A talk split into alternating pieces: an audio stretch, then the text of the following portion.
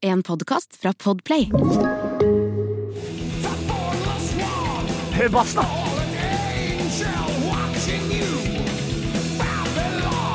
The scarlet whore, I'll infiltrate your gratitude.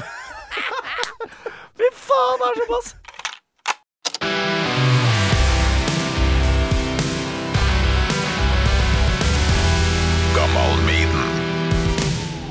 Få se, få se hvordan jeg ser ut på håret. Ja, jeg ser Skal jeg ha lue eller ikke lue? Uh, nå må vi se her hvordan det, eh, det bestemmer du, altså. ja, men Jeg må ha fashion advice. Prøv å glemme de TV-skjermene her. Ja, det, det det. Der ble jævlig bevisst. Men du må ha headset. Jeg må ha headset. Ja, da tar jeg iallfall uten, for da hadde jeg flya helt opp. Jeg må ha headset. Ja, når det kommer lyd, i hvert fall. Jeg kan jo si fra. Eh, eller Er ikke du vant med podkast? Jo, jo, jo. Du Jeg lager jo masse. brukt Ja, ja, ja, jeg bruker alltid det. Så ja, ja, jeg har studieerfaring og sånn. Ja, vi kjører sånn. Ja. Jeg hørte eh, nylig en sånn Nopa-podkast der du er med òg. Du er jo faen meg overalt, du. Dritbra. Skal vi bare kjøre på, eller? Ja. Jeg vet jo at det her blir bra, så vi gønner på. med Torkil Thorsvik. Torgny Amdam, hjertelig velkommen til Gammal Maiden. Tusen takk. Rett inn fra streeten. Har du det, har du det bra? Streetwise, ja absolutt. Jeg gikk nedover eh, en høstlig Karl Johan og møtte en kompis, og det var bra oppvarming. Ja visst. Hva Gitaristen fra JR Ewing er Nei! Mokkelbost. Ja, ja. Ja, det var tider det var jo både dere i Amulet og JR var veldig mye ute på veien. Europa Ja, ja, ja. Vi var det typiske kompisbandet som du har mange konstellasjoner opp gjennom historien. Ja, har du sett den der filmen Digg, eller? Digg. Om, eh, med Brian Johnson Massacre og hva het det andre bandet som hadde mye mer The Dandy Warhols. De som hadde mye mer kommersiell suksess. Heroin is so passe. Det er en av de mest fantastiske eh, musikkdokumentarene som er laget om liksom en sånn grit Altså to band som elsker hverandre, men i bunnen av den kjærligheten ligger det også en enorm sånn konkurranseinstinkt. Og så er det ett band som bare får det til å funke for skikkelig kommersielle grønne lys, da. Og så er det liksom det plaga geniet som eh, det går så jævlig til helvete for. Men han er jo til og med ute og spiller nå, med blant annet et norsk eh, fyr i bandet. Eh, Emil Nikolaisen fra Ja, ja, ja. Det er gøy. Han bor i Moss om dagen. en Veldig hyggelig kar. Ja. Emil. Men du, det der var jo tider jeg var jo, og er, i nullskattesnylterne, og vi røla jo rundt i Europa, og så følte vi at dere var litt mer sånn seriøse, dere og JR Ewing. Eh, For ja, dere spilte litt sånn hardcore greier. Vi kjørte hardt rundt omkring eh, i Europa og eh, England. USA var vi Så det var, eh, det var en beinhard turnering en periode her, altså. Mm. Flere år. Hva gjør du mest nå, for det er litt amulet igjen, skjønner jeg? ja, altså vi har jo hatt en liten sjarmøretappe, uh, en liten reunion, fordi plutselig fant vi ut at eh, mm, i 2021 Oi, det er 20 år siden vårt gjennombruddsalbum Freedom Fighters kom. Ja, Eh, ja det er såpass, ja. Og så lekte vi med ideen om å Skal vi feire der? Nå har det vært to år med pandemi, og så måtte vi jo utsette giggen. Eh, men så, så rakk vi det akkurat tre dager før siste lockdown eh, eh, på Vulkan. Og folk hadde jo ikke vært på gig på to år. Det var bare tjåka fullt eh, av folk. og det var en reunion, ikke bare en feiring av en, 20-års-reunion. Det var rett og slett bare en feiring av livet, og det at nå er vi tilbake som samfunn. Men nei da. Siste lockdown tre dager etterpå. Og, og ikke minst en hel generasjon som møttes på nytt. Det Ja. merka jeg på Glucifer-reunion. At det var sånn Å, der var han, ja. Og der var hun. Og der var han. Altså, alle sammen bare dukka opp igjen. Så det var så veldig hyggelig etterfest. da Vi hadde jo hyra inn DJs eh, nede i kjelleren der og bla, bla. Men, eh, Ja. jo, men, så, men så slo det meg at ingen av oss visste helt hvordan det her kom til å gå, og jeg hadde ikke kjørt stemme så hardt på så lang tid og sånn, og så slo det meg for første, på første øvinga at det her er bra musikere. Shit, det her er jo et bra band. Jeg bare sto der og bare wow, fuck. Det er jo det er som om alle har holdt seg ekstremt varme. De er jo flinke, jo. Ja, ja, men de fleste faller jo litt sånn eh, rent teknisk eh, akterutseiles eh, år etter år, men her hadde alle av en eller annen skjebnemessig grunn holdt seg veldig varme på sine respektive instrumenter, så det endte jo med at det fungerte. rent eh, musikalsk. Og så gjorde vi da en gig eh, i sommer i Horten på Kanalrock for å feire da vårt neste album, vårt mestselgende album Danger Danger, som i år har 20-årsjubileum. Så da blir det en, en ny feiring av Danger Danger i 18. november på eh, Vulkan. Så Det blir bra. Ja. Det er jo gøy å kunne spille litt igjen, altså. Og fall når det funker. Det blir ikke patetisk. For jeg har fått ødelagt eh, mitt forhold til flere band av å se uh, reunions som er så stusslige. ja. Det- Du har vel dine erfaringer med det du har, har ikke det? Absolutt. Men du, vi må gjennom uh, litt av reisa di. Jeg har ikke funnet alt, da, men et lite elsker ordet potpurri med Torgny Amdammer. Fant faktisk noe onward, da, så vi starter tilbake på tidlig 90-tall. Oi, oi, oi. Og ender opp med noe rimelig ferskt etter et minutts tid her med musikk. Faen,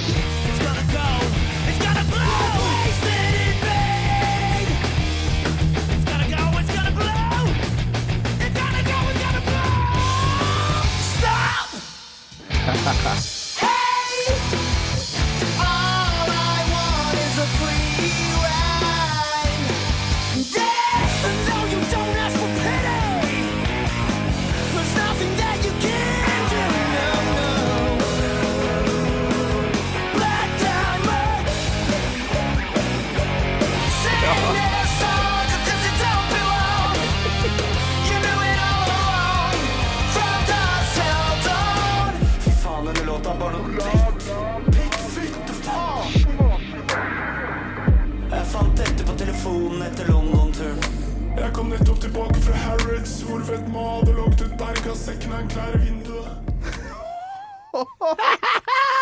Det var reisa si. Ja, det var reisa si. Tusen takk for at du har laget det her. Det var veldig gøy å høre.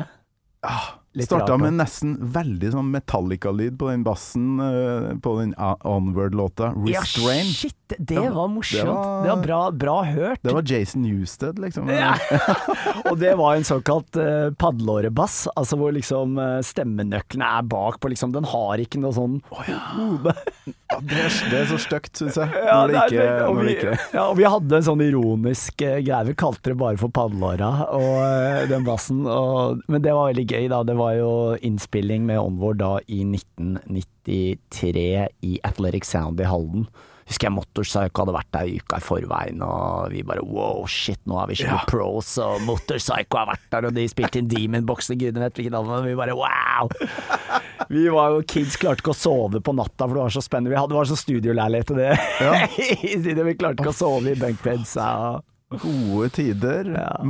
Ganske mye Amulet her, også innom eh, Black Diamond Brigade òg, da, som er må jo ha vært jævlig artig. Og Det så er- en Jeg er jo bra- Faith No More-fan, og hvordan dere fikk med Bill Gold der, det, ja, det vet jeg ikke. Eller jeg tror Tarjei Strøm har vært innom og snakka litt om det, men hos, Var du med på det, eller? Jeg var ikke med på det nitty-gritty av, av å få ham inn, men eh, det var eh, noen kontakter der, og så var det jo bare en sånn veldig god energi med Det var et samarbeid med Burton og Jan Erik eh, Det Lange eh, var som prosjektleder, og Sigurd var en slags sånn eh, bandleder, og Husker jeg vi hadde et uh, initierende møte på Bristol, og det var en av de første ja, Det var den første gang jeg møtte Sigurd von Graven, og husker jeg Når vi hilste, så var det sånn Han var, han var så Han smilte ikke. Han var det faen Why so fucking pissed? In character Han var skikkelig tida. in character. Men så gikk det ikke lang tid da før det der eh, fine smilet hans kom utover, og vi, vi hadde jo masse morsomme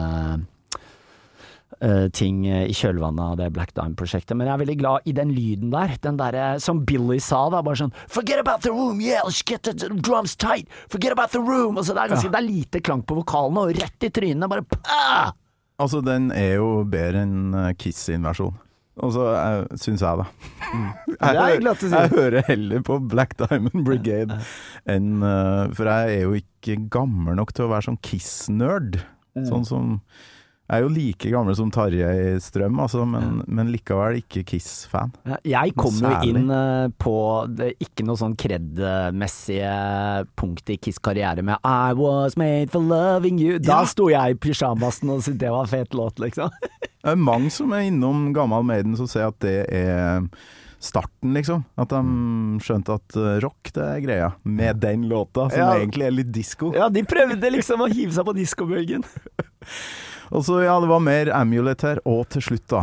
Bathroom Stall Confessional heter albumet. Er det det siste, med Torgny da som eh, Det er mitt siste og definitivt mest ambisiøse soloalbum med 15 låter, dobbelalbum, vinyl, så, så det er jo noe helt annet. Og jeg har nok alltid hatt øh, den på en måte sjangeroverskridende eksperimenteringshangen i meg som øh, musikkmenneske. Så for, for en del øh, liksom øh, folk som øh, digger rock og kjenner meg fra Amulet, så har jo det på en måte vært litt sånn wow! Den ja, så jeg hva ikke komme. faen er det han ja, driver på med? det Han driver som sto med det pannebåndet på, på Swish på NRK2 for uh, 20 år siden og sang Amulet-låta. Og det klippet hadde med til slutt her, eh, fra låta 'Debris', som er sånn åtte minutter, og du går inn og ut av mange forskjellige karakterer. På slutten her hørte vi jo at du var litt sånn vestkantgutt som hadde vært på Harrods eller noe sånt, eller? Nei, det var bare det der, akkurat det var inspirert av at jeg bodde i en kåk rett, uh, rett på Harrods og bare loka rundt der. Og hele ideen med Battlestock Confessional var å lage en slags sånn febertung, uh, konseptuell selvbiografi. Hvor Ja. jeg bare ranter på med alt som fins av ærlighet, sårbarhet. Over på engelsk, over på norsk. Skyte innover, skyte utover, og bare komme med historier fra 90-tallet. Selvforakt, forelskelse, fortvilelse. Altså, det var liksom Som også speilet seg i eh, på en måte sjangermangfoldet, da. Du har jo ja, Det er vel kanskje den eneste gangen jeg har gjort en pastisjlåt noensinne. En sånn brunch heter den, som er et sånn Perfect Day-landskap. Ja. Eh, og det er rap, det er rock. Det er mer sånn poetisk, eh, elektronisk eh, musikk, spoken word. Så Nei, det var veldig gøy å lage den. Så hver låt ble da øh, øh, Hadde en egen sånn fotokollasj. Jeg gikk gjennom hele bild, bildearkivet mitt. Blant annet for jeg har gjort en Jeg husker vi spilte med Turbo i USA. Og da var det Amulet som varma opp, og husker jeg Og så hadde jeg Og så spilte var de main act, da. Det her var i 2003, høsten 2003, og jeg husker, jeg husker at jeg kom inn som en kommentar, for jeg hadde, uh, som en eh, feature i løpet av deres sett, fordi jeg var gjestevokalist på Ride With Us-låta. Okay. Og da husker jeg alltid jeg hadde på meg sånn turbo-tanga-truse. Og så hadde jeg et opp-ned-kors malt på overkroppen uh, i, um, i leppepomade. Og så to opp-ned-kors på rumpa, én på hver rumpeskinke. Plutselig fant jeg det. Så det ble en del av kollasjen på en av de låtene som heter Pussy Skateboarding Art, tror jeg den heter den låta. Eller Eye Contact During Sex. Men det var, det var tider. Å, fy flate. Torgny, du, du oser jo musikk i all forskjellige sjangre her, så vi, vi må uh, cut the crap og komme oss til starten, egentlig. Via Maiden, da. Det starter med det gode, gamle spørsmålet om du, Torgny, husker første gangen du hørte Iron Maiden. Ja, jeg kom jo veldig sent til uh, Iron Maiden. Uh, jeg er jo en bygutt, uh, og, og jeg var liksom reinspikka hardcore og punk. Jeg lefla litt med crossover-ting. Altså DRI, Cryptic Slaughter, og det er jo en slags sånn crossover-greie på slutten av 80, tidlig 90 som på en måte hadde ett bein i hardcore, ett bein i metal, liksom. Men jeg, jeg vokste ikke opp på heavy metal, og hvis du ser på de store banebrytende norske uh, metal-banda i dag, så er det jo ofte uh, Follo og Langhus og litt sånn utafor. Mens uh, jeg var liksom City Kid, og der var det liksom hardcore og sånn. Så jeg, poenget mitt er, jeg kom sent til Maiden. Via Seventh Son of a Seventh Son, og bare kjørte Moonchild. Og det er jo Altså, what the hell? Da bare skjønte jeg det her er, det er så bra rockeband, det er så classic. Og så bare det Altså bare, bare hør basslyden, og bare drit i plekter. Det er så beinhardt, det er så classic. Det er så bra lyd. Uh, og bare Babylon, the scarlet whore Altså, det er You're on some Bob Dylan shit, man! så det Så jeg Husker du, hvordan du kom i kontakt med det? Hvordan du fikk tak i det? Det må ha vært i en eller annen turnébuss eller et eller annet sånt. Og, og så bare kommer det syntpartiet. Og det er gøy med album som har en sånn ekstrem forventningsintro. Ikke sant? det er en klassiker innenfor uh, ambisiøse rockealbum at du starter jævlig breibeint beint, og sier bare til lytteren Folk, du kompis, nå nå skal vi på en reise.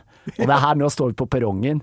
Just you fucking wait. Og det er den Moonchild. Det er bare det, Og så bare du, du, du, du, du, bare Fy flate, vi må komme i gang med den, da. For det er låta di, rett og slett. Og den starter jo faktisk med Bruce, eh, som er sett på en eh, jeg ser for meg et sånn vertshus jeg på, i middelalderen, med en sånn eh, lytt på, i fanget, Ja. og synger eh, den greia her. Seven deadly sins, seven ways to win, seven holy paths to hell, and your tripping. Det er intro før introen. Ja! Og du skjønner at her, her er det noe svært på gang. Ja, at de liksom, nå har de tenkt. Ja. Så vi er i middelalderen, og så kommer vi rett inn på 80-tallet med synten som kommer nå. Ja, skal vi se. Da må vi få av eh, Bruceren, altså på med det her.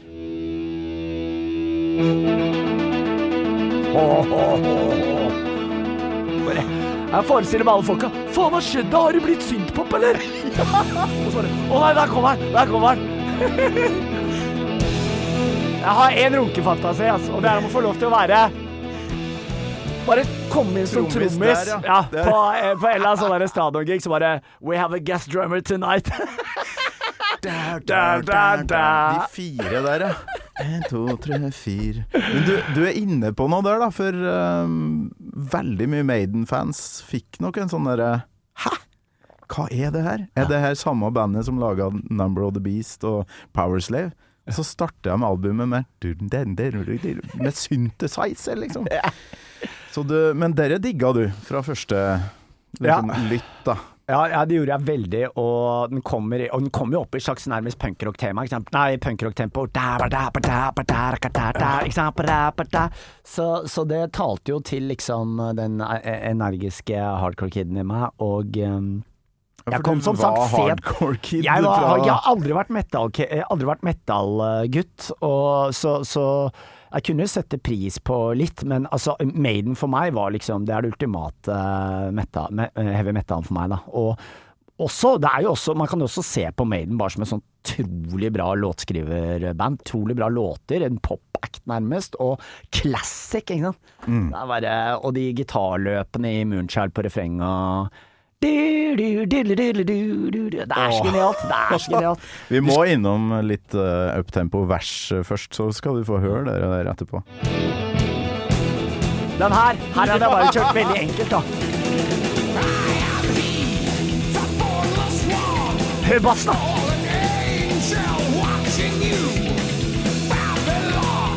The scarlet whore, I'll infiltrate your gratitude.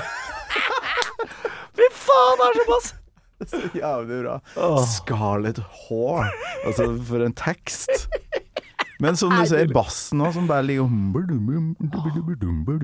Det er så jævlig lekkert. Det er en fyr på Det er en fyr som gjør et ærlig stykke arbeid, ass. Det er, fuck, det er så no bullshit at uh, ja. Ja, du som er låtskriver sjøl, og, og artist samtidig, da. Her har vi um, en av dem jeg respekterer mest, altså Steve Harris, som på et vis er litt sånn bandleder, låtskriver på sikkert 70-80% av låtene. Og verdens kuleste bassist! Ja. Og du, bare for å trekke en linje nå, det slår meg nå når vi snakker, og tilbake til Black Diamond og Billy Gold. Han spilte jo også med fingrene Ja. på, på Black Diamond. Og det, hvis du hører ordentlig, så skjønner du det når du hører bassen. Ja. Blæ, blæ, blæ. Jeg har alltid respektert rockebassister som spiller med fingrene. Det er, det er, det er gangstershit. Altså. Har det tilslaget der som uh, Steve Harris og Bill Gold har. Du skal ha ganske mye kraft i, i fingrene. Ja. For dansebandfingerspillinga, det er jo bare tafsing. Ja. Men det de guttene her oppe med, er de slår jo på Ja. strengen. Ja, det er så rått. Bill Gold med gak, gak, gak, ga, ga, ga. We care a lot! Åh, jeg husker videoen, det var ja, jævlig fett. Faith No More. Uh, Men du, nå ble jeg litt så glad. Faen, jeg jobba litt med um, Halvard Gård- Gårdløs.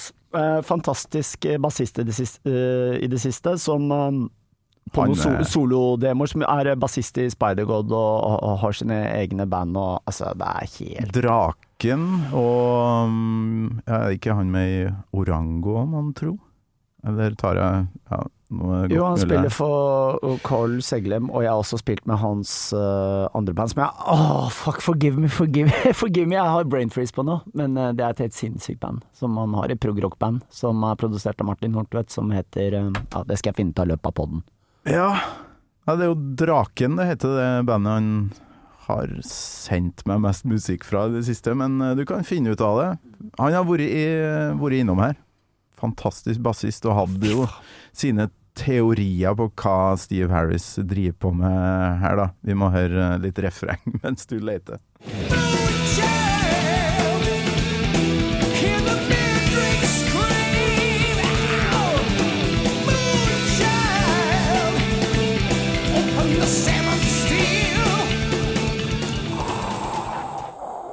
Faen, det er jo helt uh, next level, er det ikke det? Nico McBrain som jager Boraiden her, er jo noe av det fineste som Ja. Og tror du det har vært mye luftgitar, nei, lufttromme-nyansering i diverse kjellerstyr rundt om det ganske lang, eller når, Oh, den, yes. når den nyansen her kommer? Det, jo, han spiller uh, Halvard Gårdløs. Um, Ja. Wizard. Jeg har faktisk covra Ja. Jeg har spilt Moonchild med dem live. Du kødder med? Nei, nei, nei. Og det Da, da, var jeg nervøs på backstage for å klare det derre Moonchild. Har du gjort det? Det har jeg. Når? Og, Eh, det var et par år siden. Eh, Nei, nei, nei, nei. Det- Jo. og det, Det må har du skje igjen. glemt Det må på skje. vei inn døra her, for det har du ikke fortalt meg. Nei, jeg har ikke fortalt Det det. er jo helt sjukt. Ja, det var, eh, det var faktisk veldig gøy. Så faen, det er så mye bra musikere. Jeg blir sånn eh, Jeg har skrevet musikk for teater og sånn, og da blir jeg alltid så starstruck på teaterskuespillere. Og hver gang jeg er liksom som Jeg er jo ikke noen uh, musiker med no, som kan traktere noe instrument, så jeg blir starstruck på musikere. Det er fantastisk. Det er privilegiet å kunne være og fronte som vokalist og fronte og jobbe med bra musikere. For det er en bit av det du holder på med, film og teater òg? Ja, altså jeg har skrevet en del eh, film- og teatermusikk, det har jeg. Det er Ja. liksom ikke en sånn jeg gjør uh, hver dag på jobben, men, uh, men absolutt. Absolutt. Yes. Hvordan eh, begynte du med det, på et vis? Altså, det Nei, det var en bare videreføring av eh, hele soloprosjektet mitt, og så falt jeg litt oppi å, å lisensiere musikk for min venn Joakim Trier på filmen 'Oslo 31. august', og så endte jeg opp med å lage noe musikk for den filmen, og så bare ballet det på seg litt her og der, og så plutselig så var jeg i gang med, med, med teaterting og sånn. Så For jeg hører jo på dere solotingene dine at du, du er flink til å legge stemninga på et vis i musikken. Um, men er det litt samme stil på det som er med? Nå husker ikke jeg musikken på Oslo 31. august, men jeg har er faktisk det en ikke litt samme dreisen der? Jeg har faktisk en EP under eh, Torgny-navnet, artistnavnet, som, eh, som ligger på Spotify, som heter Oslo 31. august EP. Som er de låtene. Så jeg har jo hatt et langt samarbeid med Maria Due. Ja. En eh, artistvokalist som eh, Jeg har liksom jeg har te- meg at det er min stemme, men jeg bare låner ut stemmen. Jeg, hun synger fint, jeg synger på en måte ikke fint. Mm. Uh, jeg, er mer, jeg, jeg er en rockevokalist som Så når jeg, når jeg trenger den mer vare, poetiske kvinnestemmen, så så har jeg dratt inn henne, og det har vært et veldig givende samarbeid da, som har vart i over ti år nå. Så det, det er jeg takknemlig for. Um, Du har altså da fått Sevenson og Sevenson inn i bortimot voksen alder, eller?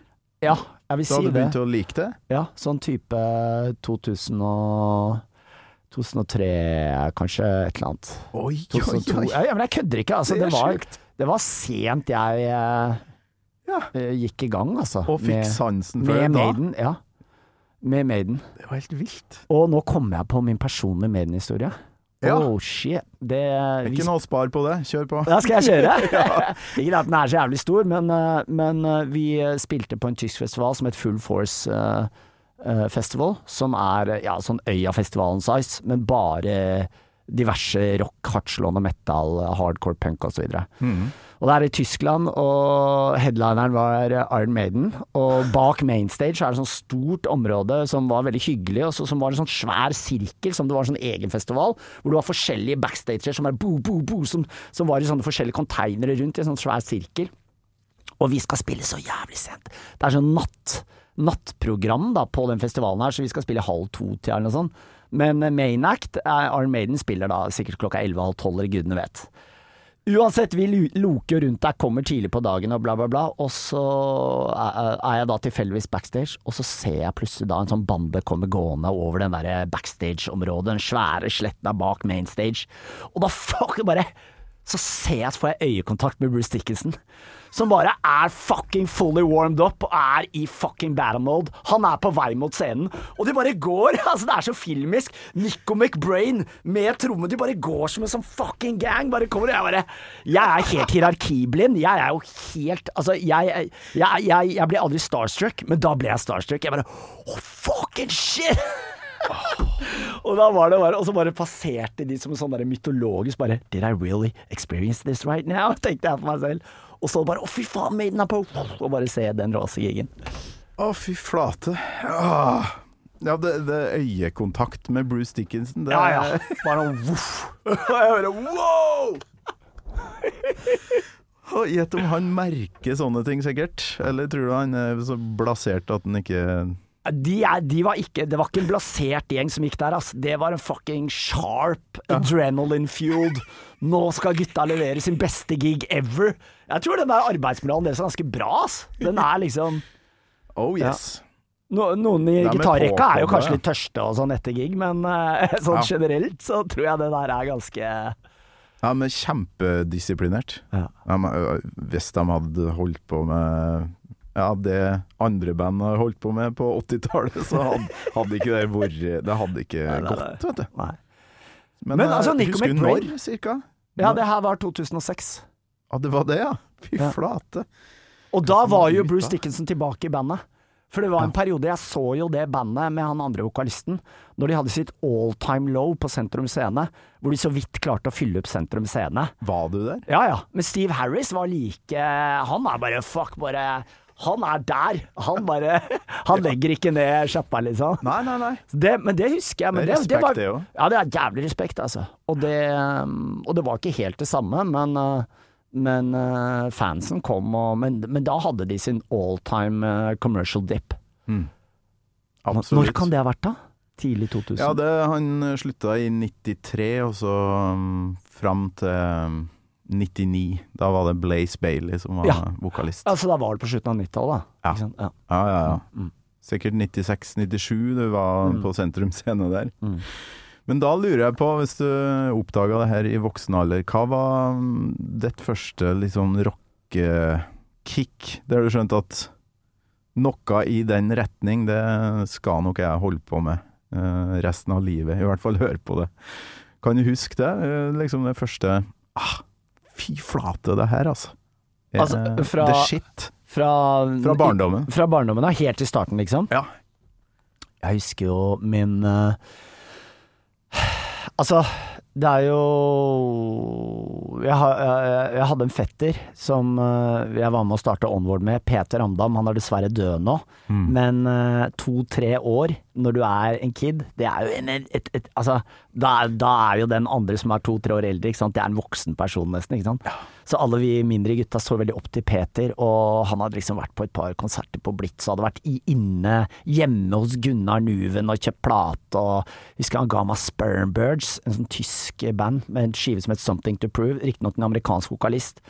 Og det var, det, det var liksom Det var min første liksom, punkskive. Og den eh, skiva er faktisk veldig bra. Eh, Den holder veldig bra avstand.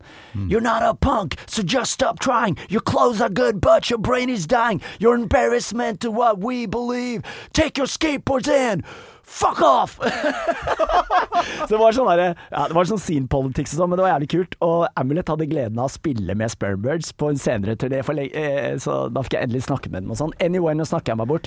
Nei, det husker det jeg liksom den tidlig tidlige oppdagelsen av hardcore, og, og jeg husker jeg Agnostic Front, Cromags Og det var såpass hard musikk at jeg måtte trene opp øh, øret mitt for å høre forskjell.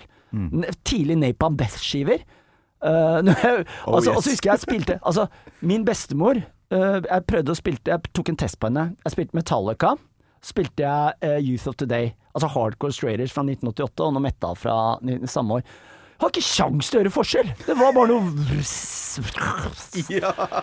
Så det jo Piggtrådmusikk. ja, det var bare noe bråk og noen frekvenser som ikke hang sammen i det hele tatt. Ja. Men for oss er det jo veldig så, man, så det var jo også det å trene seg inn i det, da. Og når jeg først da hadde oppdaget uh, Minor Threat, Youth of Today, Chromax, Agnostic Front og den der New York Hardcore-greia, så bare da, da var det kjørt. Og det var sånn 13. Ja visst. Ja. Peter eh, var vel òg musikkspilt i band, ikke sant? Ja, ja, ja. Han uh, gjorde jo Onward lenge etter meg, og han fikk ny, de fikk ny vokalist og sånn. Jeg øh, slutta jo å starte et Ambulett, så fortsatte jo han med Sportswear, Uh, blant annet. Og som etter hvert utviklet seg til For Pete's Sake, som var det bandet han faktisk hadde helt, uh, helt til han døde. Så han Ja, har alltid vært involvert i hardcore-scena, altså. Um, som låtskriver og tekstforfatter og vokalist. Men uh, Nei, men det er interessant det der, og den derre følelsen av hvor viktig de første gigsa er. Jeg skulle ønske den jomfrueligheten, nå er man blasert på godt og vondt, men den jomfrueligheten, det sjokket av musikk, Ja, det er vakkert. Vektig tid for deg det her, da. Det, fikk du nå via foreldre? Noe rockeaktig, eller var det Nei, fattern var egentlig en jazzmann, altså, så det var ikke så mye Men det var jo små drypp her og dag. Jeg, jeg bodde jo Jeg var nabo med Alexander, altså Alex Rosén. Mm. Og jeg var hjemme hos han og fikk se på noen Kiss-plater, og så hadde du stjernepose. Jeg syns Kiss var jævlig tøft, da. Kiss Alive og de greiene der. Så det var enda tidligere, da. Det var sånn seks-syvårsalderen. Ja. Og da var, eh, da var Alex Rosema på pletten og oppdro kidsa i trassis og sånn. I rockens, eh, I rockens vei. Men um, Jeg møtte jo Alex ved kaffemaskina i dag. Han er jo innom her av og til. Jobber i Radio Rock. Mm. Tenk for et uh, For et hvor mye det påvirker livet at man blir interessert i denne type musikk, da. For han er jo sånn fremdeles. Ja, det er veldig interessant. Det er veldig interessant. Og nå kom jeg på en Kiss-patch som jeg så hos uh, Peter og Øyvind, min andre fetter. De bodde oppe i Molde. Bare da jeg var seks år, og så så jeg en eh, Kiss-patch. Ja. Og, så, og, og så var jeg sånn, faen. Skal jeg stjele den, eller? Skal jeg bare låne den fra fetteren min? Og så bare testa han tanna. Nei, jeg kan jo ikke det, altså. Bare, bare, Men det husker jeg var sånn, det var sinnssykt viktig. Det her med å ha sånne patcher, det var nesten litt sånn hellig bortimot. Ja. Det var så stort å få tak i det. Når det kom eh, selgere til bygda der jeg kommer fra, og hadde sånne originale, kule ting. Det var, det var Ja, så men svært. Altså den, det, det, fordi man kan si at det er en banal patch, men uh, sånn rent sjelelig så er det jo en ekstremt viktig identitetsmarkør. Ja. Som, er, som representerer hele sjela di, på en måte. Hmm. Så det er vakkert. Du, vi hører litt på noe, noe sologitar her, vi. Det må vi ha.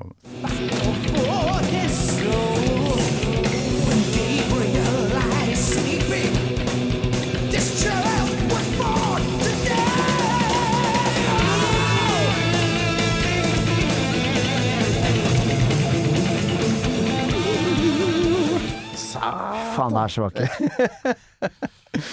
Jeg ser for meg det. Jeg sitter i bandbussen da i sånn 2003, Ja. og faen meg høre det for første gang. Du må jo ha Må må ha vært i kontakt med det 80-talls Maiden før det, eller? Ja, jeg må jo ha det. Det kan hende at jeg blingser litt på det, men jeg, det må kanskje, kanskje 98, da. Mellom, altså ikke noe Altså, det var ikke når jeg liksom var Det var langt uti der. Langt Mm. uti der.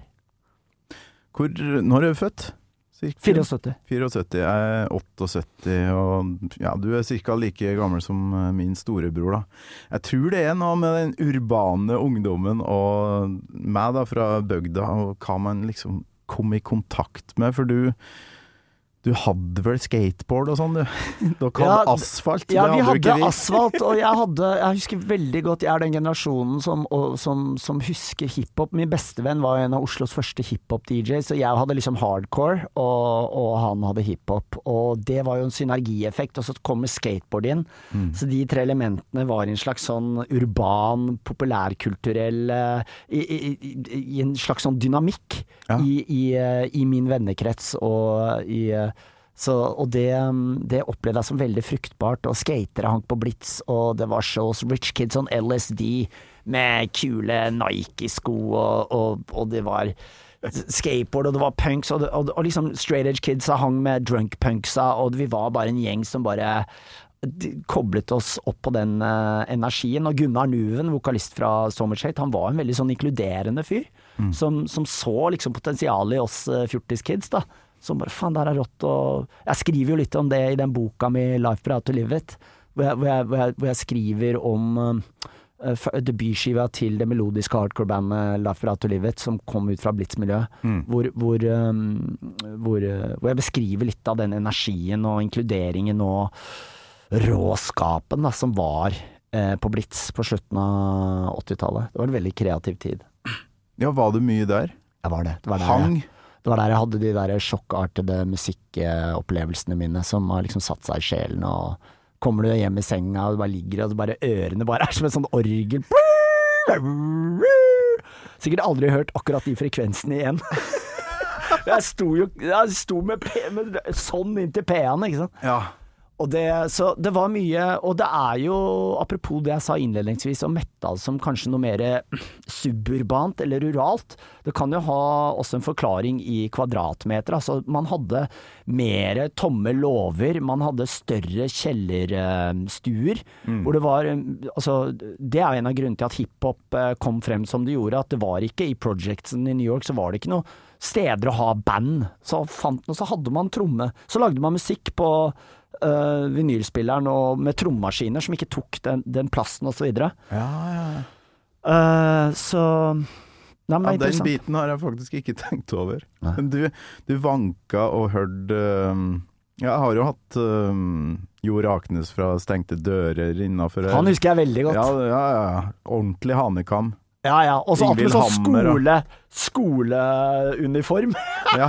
og Stengte dere var jævlig rått. ja. Så hvor gammel var du da? Du drev og Jeg hadde to år på på pikken. Jeg regner ikke år, jeg regner i Du pikkhårmengde. hadde to år! Så jeg hadde to år på pikken, så da la oss si 14. Nei, nei jeg var 14 år.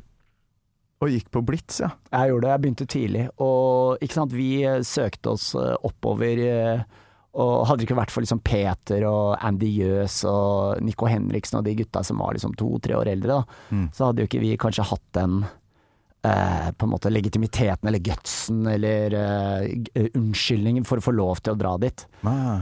Men det skriver jeg også om i boka mi, om den der første giggen som jeg aldri fikk se, Youth of Today, fordi jeg hadde avtalt med min mor midnatt. Så eh, står jeg klar med bil for å hente deg, så skal vi, så skal vi kjøres hjem. Det her er søndag kveld. Altså nå tyner jeg lenge, liksom. Du, midnatt er, og så i- Back in the day så gikk konsertene begynte så sent, ikke sant. Nå er det jo blitt sånn HMS-standard på Ja. Folk begynner 11. begynner halv ni og sånn. Ja. Men da var det sånn Da hadde ikke, da hadde ikke begynt uh, Youth of the Day og klokka tolv. Og jeg måtte dra før liksom det største drømmebandet mitt skulle spille, og det har jo selvfølgelig traumatisert meg. Det er jo da man er veldig glad i foreldrene sine. Når du Ja. blir dratt Åh. vekk fra noe du har så lyst til å oppleve. Ja, samtidig som jeg var den der lydige sønnen som skjønte at ja, nå har jeg fått lov til å tross alt dra, så jeg må ikke ødelegge for sjanser senere. ja, ja, ja, ja. Den sjansen eh, kan du ikke fucke opp. Nei. Så rått. Det er jo Ja, Blitz var jo noe av det farligste som fantes for oss som uh, bodde på bygda, for vi så jo bare TV. Ja, ja. og så reportasjene, og så Hva heter han eh, politi... Willy Hauglie. Willy Hauglie. Han var gæren. Ja, han var ikke så glad Altså, i han, gjengen hadde, han hadde fått sparken uh, på dagen i dag. Altså hvordan Ja, ja. han sendte politibikkjer på, på ungdom, da, på barn basically. Altså Katja Osvold, vokalist i Life After Livik, fikk jo schæferbitt i en demonstrasjon. Og du sier det var farlig. Det var farlig! Det var farlig å være blitse på den tida hvis du engasjerte deg utover musikk, altså engasjerte deg politisk i gata, mot politiet, mot nynazister. Altså, eh, i Oslo by skal takke Blitzmiljøet faktisk for å gjøre en innsats, innsats eh, mot nynazistene. Vi fikk dessverre Benjamin Hermansen-drapet, men, men nynazistene fikk ikke samme eh, fotfeste i Norge som de fikk i Sverige, f.eks. Og eh, det var eh, Ja, og Willy Hauglie var altså de. Det var ganske drøyt hvordan eh, politiet fikk lov til å ja. Men 14 år gamle Torgny med to hår på tissefanten gikk på konsert. Du var ikke ute i gatene og kasta Molotov-cocktails? Nei, jeg var, ikke, jeg, var ikke, jeg var ikke det. Men jeg var på noen demonstrasjoner, og, men jeg var ikke helt forrest. Men eh, jeg husker liksom Og så husker jeg sånn eldre raddis, altså Unni Rustad, tror jeg han heter, en sånn feministdame, ble liksom dradd med over brostein, eh, og han Erling Folkvord, han RV-vokalisten, nå skal dere muskerskada. Folkvord, ja. Det er jo Ja, det han er hedersmann som også ble taua, som Ja. det het back in the day. I Ja, en eller annen eh, Jeg tror kanskje det var i forbindelse med Thatcher-besøket. Um, som jo er en egen sinnssyk, eh, et eget sinnssykt kapittel i norsk eh, Oslos demonstrasjonshistorie. Med tåre, mye tåregass og rambukk og ja. Det gikk helt over styr og stein. Ja, fy Stokk og stein. You're listening to a podcast. I'm Bruce Dickinson. You're not. And you're listening to Gamal Maiden.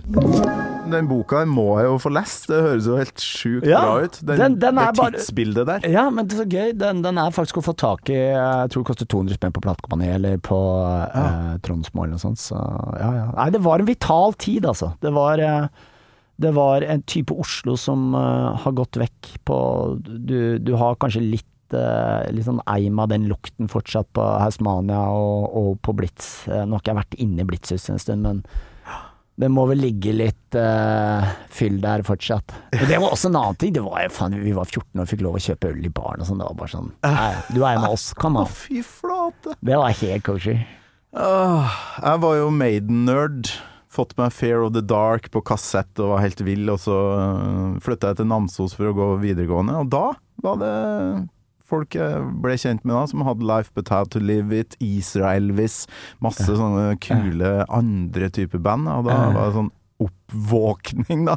Mens du hadde jo levd nedi gryta og fått det her fra 14-årsalderen, den jævla heldiggris. Ja, for det er, det er en det er kult å være fra bygda, men det er også en sorg da, når man forstår at det finnes så jævlig mye mer man ikke øh, har kontakt med. Men jeg tror det er veldig interessant det du sier der, for jeg tror at det Jeg tror også det kan skape en mm, Hva skal jeg si positiv og konstruktiv lengsel. Hvor du som menneske tidlig i livet har erfart hva det vil si verdien av noe, og det å ikke ha det. Som skjerper gustoen din, liksom, som gjør at du liksom får mer pågangsmot og prøver å få til ting og setter pris på at nå har jeg mulighet til å oppleve det her og sånn. Ja. Det, jeg tror den der lengselen der er konstruktiv, selv om det er for, for jævlig irriterende å stå i når du, når du er der, da.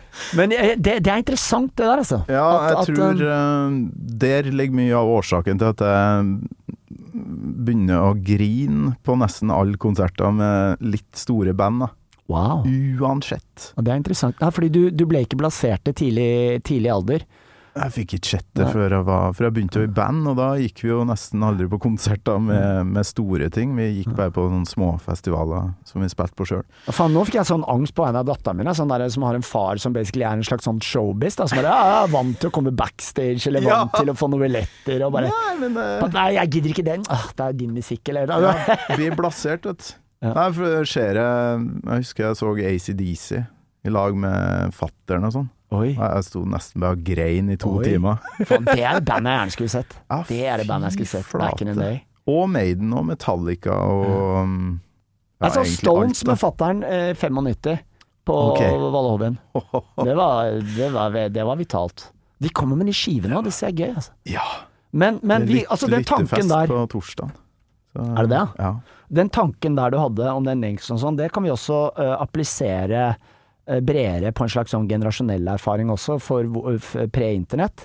Det der å sitte og lengte etter uh, neste utgave av Thrasher Magazine, eller Maximum Rock'n'Roll, eller hva enn var your kick, da. Eller shit, nå må jeg vente, nå har jeg bestilt den vinylen av det undergrunnsbandet. Nå er det, hvis jeg er heldig, så tre, om tre-fire uker så får jeg den.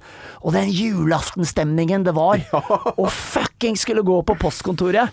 Altså inn i det der døve postkontoret for mitt vedkommende, kanskje nede ved Storokryss eller et eller annet sånt. Bare sånn Altså, de folka bak smaken, de vet ikke hvor viktig, hvilket liv jeg hadde, hvor Nei. rikt det var, og hvor fantastisk det var. Nei, jeg hadde jo to kassetter, så dere har lånt uh, kassetter fra kompiser med Maiden.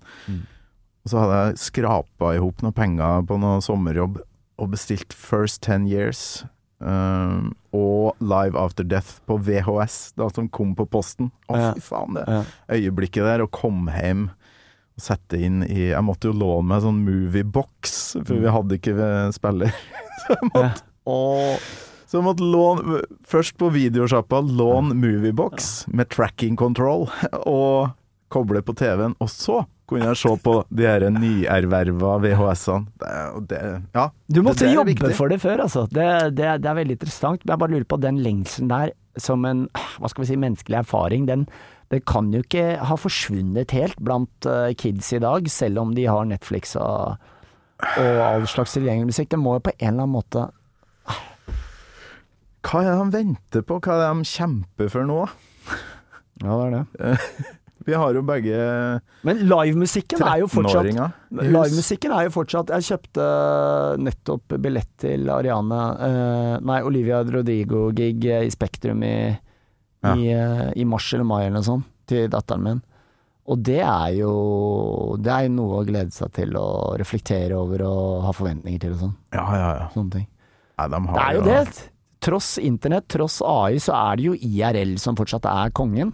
Så det er jo et lite håp, da. Det håper jeg de forstår med, i løpet av oppveksten, at det, det er det som betyr noe. ah, jeg bruker jo å ha med avslutninga på, på låta for, eh, for et låtvalg, Torgny.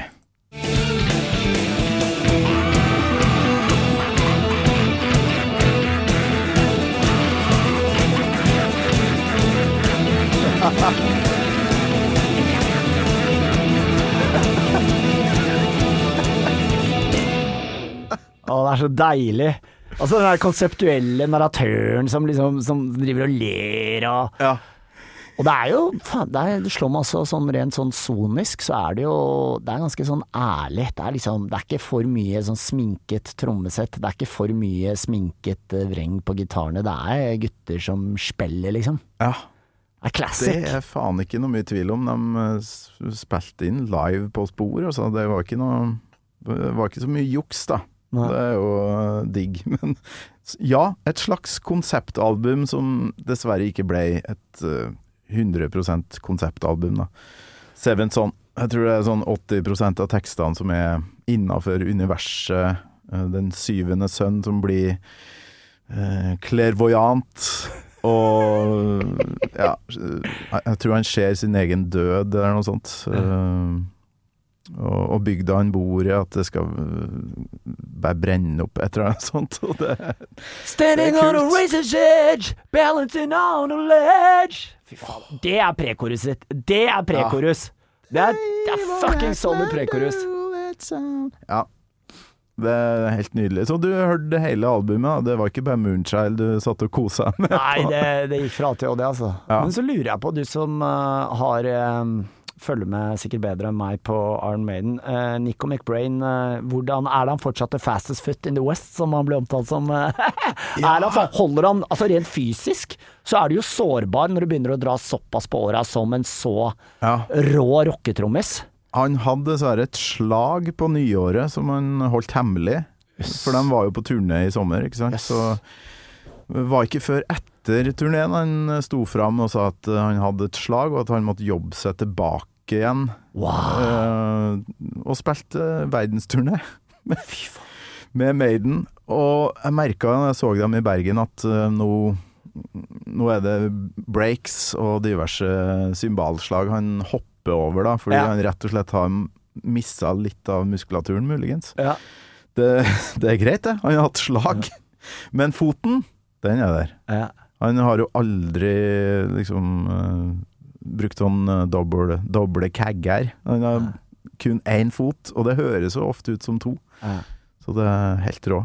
Han er still the fastest foot in, in the west. Jævlig bra. Men hva skjer framover nå, Torgny? Dere spiller på Vulkan. Og du dukker jo opp i, i diverse podkaster og sånt. Nopa, for eksempel. Er Ja, det- jeg sitter i styret i? NOPA. Nei, jeg er, altså, jeg er styremedlem i NOPA, som jo er en uh, viktig organisasjon for låtskrivere og tekstforfattere i det landet her. Det er bare å sjekke på nopa.no, så jeg prøver å uh, gjøre en innsats på vegne av uh, på en måte standen, da. Låtskrivere og komponister og tekstforfattere i det landet her. Og der er det jo nok å ta tak i. Det er nok å ta tak i. Spotify, liksom. Spotify er én ting, hele, hele, altså hele låtskriverøkonomien som er i en enorm endring, og nå har vi jo AI som eh, kommer for fullt, og um, Ja.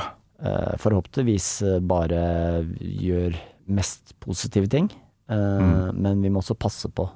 Vi må passe på, og NOPA jobber også da internasjonalt, sånn på EU-nivå, fordi vi kan ikke drive og klage til en eller annen lokal norsk politiker om eh, Når vi skal snakke om big tech, da må vi på EU-nivå for å få Ja, ja, ja. reguleringer og Så NOPA engasjerer seg i eh, opphavsrettslige ting, og ja, så bare sjekk det ut. Men alle må jo begynne å tenke litt annerledes her, for vi faen, vi gir jo bort alt til store aktører. ehm, Sånn som Spotify, Google ikke minst. All den informasjonen vi gir fra oss gratis. Ja. Facebook. Vi publiserer innhold som de tjener penger på. Det er jo ja, helt altså- idiotisk! Og det syns jeg er litt uh, Jeg må si jeg har fått vi jeg, jeg har fått altså. endret synet på folk i min generasjon, som jeg i utgangspunktet har vært veldig sympatisk innstilt til. Eller det er selvfølgelig sympatisk innstilt til medmennesker, men altså som jeg liksom tenkt faen, eh, det, det er en bra person som, som hvordan vedkommende ter seg på internett, og, altså, altså, og særlig da Facebook og krangler på Facebook. Altså, hver gang du poster noe på Facebook, så, så suger du kukken til Mark Zuckerberg, ikke sant? Det, vi må ikke glemme det! Nei. Selv når du kritiserer Mark Zuckerberg, så suger du kukken hans. Ja. Det, det er en sånn 360-deal som eh, ikke er bra. Det er nettopp det. Og jeg syns egentlig alle bransjer blir tatt på senga sånn i en, på fem år, da, sånn, akkurat som film, da, som ja. nå er på Disney pluss og Netflix og sånn. Vi får ikke betalt! Ja, men ikke gi bort produktet ditt, da. Proble problemet sånn med- Altså Problemet med AI nå er jo at den allerede har eh, støvsugd hele internett. Alle låter som finnes på internett er nå puttet inn i eh, AI, som gjør at eh, det er vanskelig for folk som, eh, som eh, hvordan, hvordan, hvordan skal låtskrivere som, hat, som uvitende har trent denne AI-maskinen til å lage musikk, hvordan skal de bli kompensert på en eller annen måte? Fordi det er, skaden har allerede skjedd. Ja, faen, ass. Det var en kar som kom bort til meg her om dagen. Har du hørt eh, Johnny Cash som synger Barbie Girl, eller? Og da har jeg fått sånn AI da, Ja, ja. til å faen meg få Johnny Cash til å synge Barbie Girl. Og så prøvde han å trykke play, og så sa jeg bare du, stopp. Det her skal ikke jeg Det vil jeg ikke høre. Men det er visstnok skremmende, da. Ja, ja, ja. Eh, Alt det der kommer. Men jeg, jeg tror eh, fast og bestemt på at uh, mennesket er opptatt av uh, å, å høre musikk som er laget av mennesker i kjøtt og blod, og at AI vil eventually integreres som et veldig bra studiotool som, kan, eh, som kan gjøre plater eh, bedre eh, på en eh, fortere og raskere måte. Men eh, jeg tror, ikke, jeg, jeg, tror ikke det er sånn at maskiner kommer til å Ja, for eksempel eh, blir det en eller annen eh, maskin kommer til å lage en nye Iron Maiden. Problemet til AI, hvis vi skal gå litt sånn hardt til verks, er jo at den, den, den kan bare ting som uh, baserer seg på noe som er laget fra før. Ja. Så den kan ikke være truly Den kan ikke agere på et barndomstraume, eller Altså men- Babylon, the scarlet whore! altså, hadde du hatt AI88, hadde du ikke klart det. Altså, You're on some Bob Dylan shit, Bruce! Men da er jo spørsmålet Alt det en AI skaper er jo basert på kunst og musikk og åndsverk som andre har lagd. Hvordan er det da å drive og spille av det her, eksempel, og rettigheter, ikke sant? Ja, og det, og det er jo Altså, det er bare mennesker som kan eh, besitte åndsverk. Det er ikke en maskin. Så Ja. det er én ting. En, annen- en, en, men det vi skulle hatt, rent ideelt sett, før Big Tech eh, støvsugde uh, internett for alle verdens skrevne låter, hadde jo vært en sånn at alle har en opt-in eller opt-out. Så når jeg som artist laster opp eh, skiva mi via min distributør til Spotify og sånn, så skriver jeg 'jeg vil ikke at AI skal få lov til å trene seg på min musikk', for eksempel. At det er eh, Eller egentlig at defaulten er det. Ja. Og så kan du tykke av at det er greit, ikke sant. Ja, okay. Så opt-in er det optimalt, optimale. Vi kan jo legge til på slutten av uh, podkasten her at det er en AI som har eh, tatt uh, all gammel Maiden-episodene og kjørt den eh, gjennom en algoritme, og, og Torgny sitt album eh, 'Bathroom Stall Confessional', og, og det her er resultatet. Det, Shit, nå, da, nå ble jeg veldig nysgjerrig. Ja, ja, men faen, eh, de kjører jo stemmen eh, Det har jeg hørt eksempler på. De har kjørt eh, stemmen til en eh, ettermiddags-DJ, eksempel, som er min jobb, um, gjennom en AI. Uh, og plotta inn litt data om uh, personen, og skapt et, uh, en ny personlighet som nå er DJ i eh, En AI som er DJ i Storbritannia. Og det høres helt ekte ut. Ja. Høres ut som et menneske. mer Og, mer, ja. og det er det som er den nye digitale kompetansen. Altså, vi skal bli litt politisk og liksom hvordan eh, kanskje Ap i skolepolitikken sin var veldig naive. Å, vi skal ha skjermbasert skole og sånn. Det er ikke det at, at ettåring kan drive og skjønne en skjerm, de sier seg selv. Det er, det er ikke det som er digital kompetanse. Digital kompetanse er å skjønne uh, hva som skjer bak skjermen, skjønne hvordan algoritme er, uh, klare å skille fake news fra ekte news. og Sånn. Det er det som er den nye dig digitale kompetansen og kapitalen, som forhåpentligvis vil komme mer og mer. Mm. Torgny, gleder meg til å se Amulet på Vulkan. Blir det, blir det mer musikk, eller? Album? Det er ikke noe plan om det, altså, men kom eh, hjem. Vet jo aldri, da. Nei. Jeg håper du har kosa deg i gammal Maiden. eh. Det var veldig hyggelig å bli invitert. Tusen takk. Gammal Maiden med Torkel Thorsvik, en podkast fra Radio Rock. Jeg fant dette på telefonen etter London-turen. Jeg kom nettopp tilbake fra Harrods, hvor Vedma hadde lagt ut berg av en klær i vinduet. Og et par etasjer opp så jeg en kvinne nikab kjøpe slutty undertøy. Pule, knulle, sprute. Trenger nye ting. New stuff. Du har hørt en podkast fra Podplay. En enklere måte å høre podkast på. Last ned appen Podplay, eller se podplay.no.